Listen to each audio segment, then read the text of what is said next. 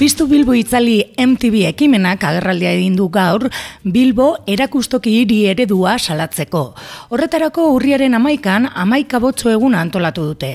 Bertan, hiri eredutik kanpo gelditu diren elkarte guztiek leku propioa izango dute uri bitarte pasealekuan.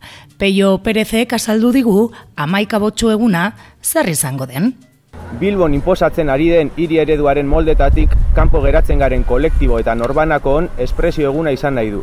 Hau da, erakundeen interesat, interesetatik kanpo gelditzen garen eragile ahalik eta gehienen elkarleku eta saretze espazioa izateko bokazioa dauka. Bizi modu eta bizi espresio asko biltzen dira botxoan. Erakunde eta enpresen arteko elkarlana bultzatzen ari, ari, ari den hiri eredu arrasista, klasista, patriarkal eta bar, honetan tokirik ez daukatenak.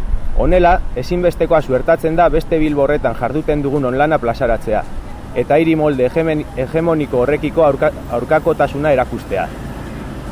Era berean, asko dira hiriaren hausiaren inguruan lanketa bat garatzen ari diren bilbotar kolektibo, auzo elkarte asamladak eta bar, bakoitza bere esparrutik eta ikuspuntu propioarekin. Zentzu honetan, ulerkera ezberdin horien, ulerkera ezberdin horien elkargune bezala ulertzen dugu amaika botxo eguna, Egun honek ikuspuntu oso ezberdinak ekartzeaz gain, saretze bat eman eta sinergiak sortzeko balio dezake. Eta nola gauzatuko da guztia urriaren amairuan? Abando Ibarrako pasealekuan, Bilbo herrikoiaren espresioan itzen gunea antolatzea da asmoa. Honetan, kolektibo aldik eta gehienen aldarrikapen propioi espazio bat emango zaie. Bakoitzak bere proiektua aurkeztu eta hiri ereduak bere realitatetik nola eragiten dion konpartitu eta alternatibak proposa ditzan. Honela, bizimodu eta ikuspuntu ezberdinak eremu berdinean batuz, aipatutako eztabaida asko, aber, aipatutako eztabaida asko aberastuko da. Izaera ezberdineko herri dendak. Parte hartze espazioekin ingur eh, nastuko dira.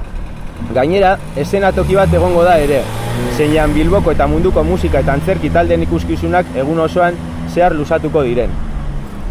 Amaika botxo eguna parte hartuko dugun guztien elkarlanaz atera beharko dugu aurrera. Eta hau da, benetan egunaren esentzia suposatuko duena.